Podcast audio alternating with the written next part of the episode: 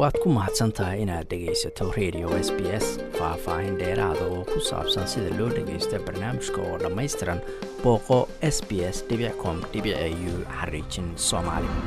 Jaaliyadda turkiga ee australia waxay dusha ka daawanayaan qulqulada ku socota lacagta dalkoodii hooyo iyadoo liiraha dalkaasi laga isticmaalo uu qiimihiisu aada hoos ugu dhacayo. Marka laga eego sarifka doolarka maraykanka ah liiraha ayaa heerkii ugu hooseeyey gaaray ee bishii u dambeysay. Vildan oser iyo saygeeda alex oo melbourne degan ayaa dareemo kala duwan ka qaba iyagoo waqti dheer qorsheynayay safar ay ku tagaan turkiga. Sanadkaa soo socda si ay markaasi u booqdaan qoyskooda si la mid ah qof kasta oo dal shisheeye u socdaalaya waxay jeclaan lahayn sarif lacageed oo iyaga danu ugu jirto oo doolarkooda australiyaanka ay liiro badan ku gadan karaan ama ku heli karaan. Lacagta liirahaasi ayaa afartan boqolkiiba hoos u dhacday marka loo eego sarifka doolarka australiyaanka muddo saddex bilood ka yar. Halkii doolar ee australiyaana waxaad ku helaysaa sagaal dhibic shan liire laakiin bishii sebtembar wuxuu ahaa lix liire. Vildan waxay aada u sugi la-dahay safarka maadaama ayay tiri lacagta liirada qiimaheedu hadda jabay waxay u badan tahay inaanu degno hoteel ka fiican kii aanu hore u qorsheynaynay waxay u badan tahay inaanu xubno dheeraada oo qoyskayga ka tirsan aan casuuno annagoo ka faa'iidaysanayna lacagta liirada dheeraadka ee aanu helayno ayay tiri.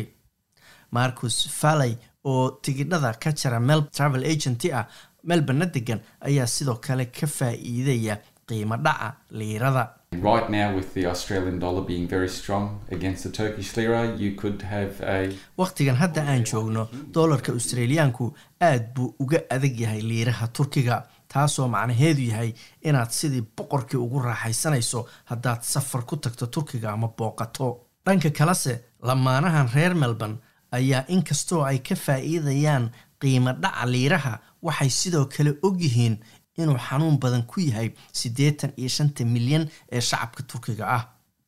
Tirada sicir bararka rasmiga ayaa gaartay labaatan iyo kow boqolkiiba maadaama qiima dhaca liirahu uu keenay in qiimaha maciishadahu cirka ay isku shareeraan gaar ahaan kuwa dalka dibaddiisa laga keeno. Tan ayaa abuurtay qulqulad dhaqaale iyadoo shaqaalaha qaata mushaarka yar ay yihiin dadka uu aada u saameeyey taasoo dhankeeda dhalisay in ururada shaqaaluhu ay dowladda madaxweyne rajab tayib erdogan weydiistaan in mushaarooyinka la kordhiyo. Maalmihii u dambeeyena waxaa caadi ka noqotay magaalada istanbul muuqaalada dad saf ugu jira rooti raqiisa ama qiimo jaban. Vildas ozar ayaa sheegtay in qaraabadeeda turkigu ay si joogtaa u caawiyaan dadka deriska ama qaraabada la-ah saaxiibada qoyskayga ayay tiri ayaa mar walba ka hadla inaysan bixin karin qarashaadkooda aysanna gadan karin wixii ay u baahnaayeen. In reerkoodu miiska cunto saaraan ay ku adkaatay. Waxaana si deg dega ayay u dhaceen waana dad awal isdabari jiray. Haddase hoos uga dhacay heerka saboolnimo ee dalkaasi lacagta turkiga ayaa lumisay kalabar qiimaheedii marka loo eego sarifka doolarka maraykanka sanadkan gudihiisa. Inta badan waxaa qiimaheedu uu lumay bishii noofembar laakiin hoosu dhaca ayaa waqti hore soo bilowday iyadoo dhaqaalayahanadu ay farta ku fiiqayaan sannado badan oo madaxweyne erdogan uu waday siyaasado ku aadan sicir bararka oo aan la aqoon meesha uu ka keenay ama caadi aan ahayn. Si loola dagaalamo sicir bararka dalalka intooda badan waxay kordhiyaan lacagaha dulsaarka. Laakiin madaxweyne erdogan ayaa ku cadaadiyey bankiga dhexe ee dalka turkiga in taas mid ka soo horjeeda ay sameeyaan. Wuxuu ku dooday in kordhinta dulsaarku ay aada uga sii darayso sicir bararka. Sebtembar wixii ka dambeeyeyna dulsaarku hoos ayuu u dhacay oo wuxuu gaaray shan iyo toban boqolkiiba. Horeyna wuxuu u ahaa sagaal iyo toban boqolkiiba iyadoo la filayo in la sii jaro dhammaadka bishan. Dictor anad ikhtiyaad oo ka tirsan xarunta culunta islaamka ee jaamacadda national university ee dalkan australia waxa uu ka mid yahay dhaqaalayahano badan oo arrimaha turkiga daawanayay iyagoo walaac ka qaba So these really describe the unorthodox economic approach of Erdogan's government.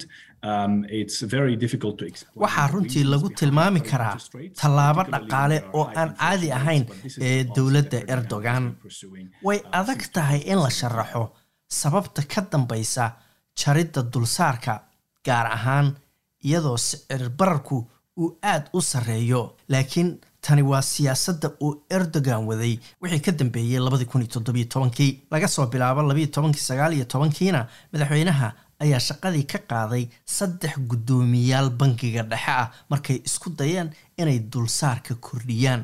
Tan ayaa keentay in maalgashadayaashu ay lumiyaan kalsoonidii ay ku qabeen liirada turkiga. Sidoo kalena waxay lumiyeen kalsoonidii lagu qabay awoodda uu bangiga dhexe u leeyahay inuu si madax bannaan u shaqeeyo. Marka maalgashadayaasha ayaan gadanayn liiraha. Waxaysan sidoo kale aysan maal gashanayn turkiga taasoo sii wiiqaysa qiimaha lacagtaasi. Master erdogan oo ah nin muxaafid ah ayaa sidoo kale u isticmaalay diinta inuu qiil ugu sameeyo go'aamadiisa ku aadan dulsaarka isagoo ku tilmaamay dulsaarka badan hooyadii iyo aabbihii balaayada oo dhan. Mar uu waraysi bixiyey labadii kun iyo sideed iyo tobankii. Sida mabaadi'da diinta islaamku qabto dulsaarka la saaro dayntu waa ribo oo ah dembi diimeed ama xaaraan. Faysal ulusoy oo ah professor dhaqaalayahana kana tirsan jaamacadda yeditebey ee magaalada istanbul ayaa sheegay in siyaasaddan aysan wax macno ah samaynayn.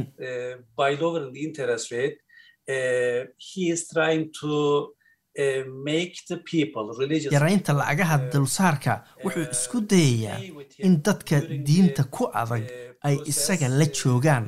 Ugu dambayntana uu doorashada codkooda helo doorashada madaxweynaha ayaa lagu wadaa in la qabto labada kun iyo labaatan iyo saddexda. Haddana maciishadda oo si xawliya kor ugu kacaysa ayaa keentay in xisbiga talada haya ee horumarka iyo cadaaladda la yidhaahdo ay taageeradiisu hoos u dhacdo.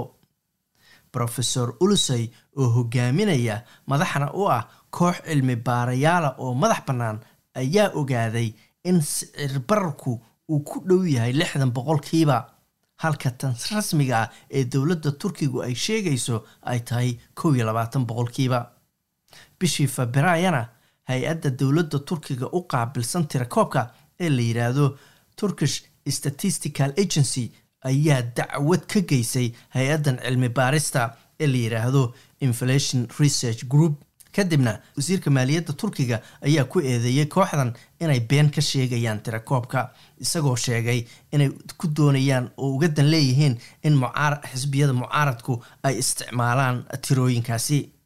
Dowladdana ay sidaas ku dhaliilaan. Rofesor olisey ayaa sheegay inuu rajaynayo in baaritaanku uu noqdo mid sharciyeed oo gaara maxkamad furan oo madax bannaan s b s ayaa isku dayday inay la hadasho safaaradda turkiga ee magaalada cambera laakiin safaaraddu way ka gaabsatay. Madaxweyne erdogan ayaa ku doodaya in dulsaarka yar iyo qiimo dhaca lacagta liiruhu ay dedejin doonto kobac dhaqaale shaqooyin la abuuro iyo waxyaalaha dalka uu dhoofiyo. Haddaan dib ugu noqonno melborna marcus valley oo ah travel agenty ayaa si kale u dareemaya qulquladda lacagta ee dalkaasi labadii kun iyo saddex iyo tobankii ayuu guri ama apartment uga iibiyey gobolka cabadesia ee dalkaasi hooyadiis oo howlgab ah inay ku noolaato. Wuxuu iigu kacay ayuu yidhi aqalkaasi boqol iyo toban kun oo dollar oo hal apartmenti ah qiimaha liiraha marka loo eega buu yidhi qiimaha gurigu waa uu kacay. Laga bilaabo maalintii aanu gadanay laakiin markaad australian markaad lacagta australiyaanka u fiiriso waxaan luminay ayuu yidhi ku dhowaad soddon ama afartan boqolkiiba qiimihii guriga. Waad ku mahadsantahay inaad dhegaysato raadiyaha s b s. Toos u dhegaysa barnaamijka habeenada arbacada iyo jimcada tobanka fiidnimo. Ama kaga soo cesho website-ka iyaga iyo s b s radio app. Booqo s b s com au xariijin soomaali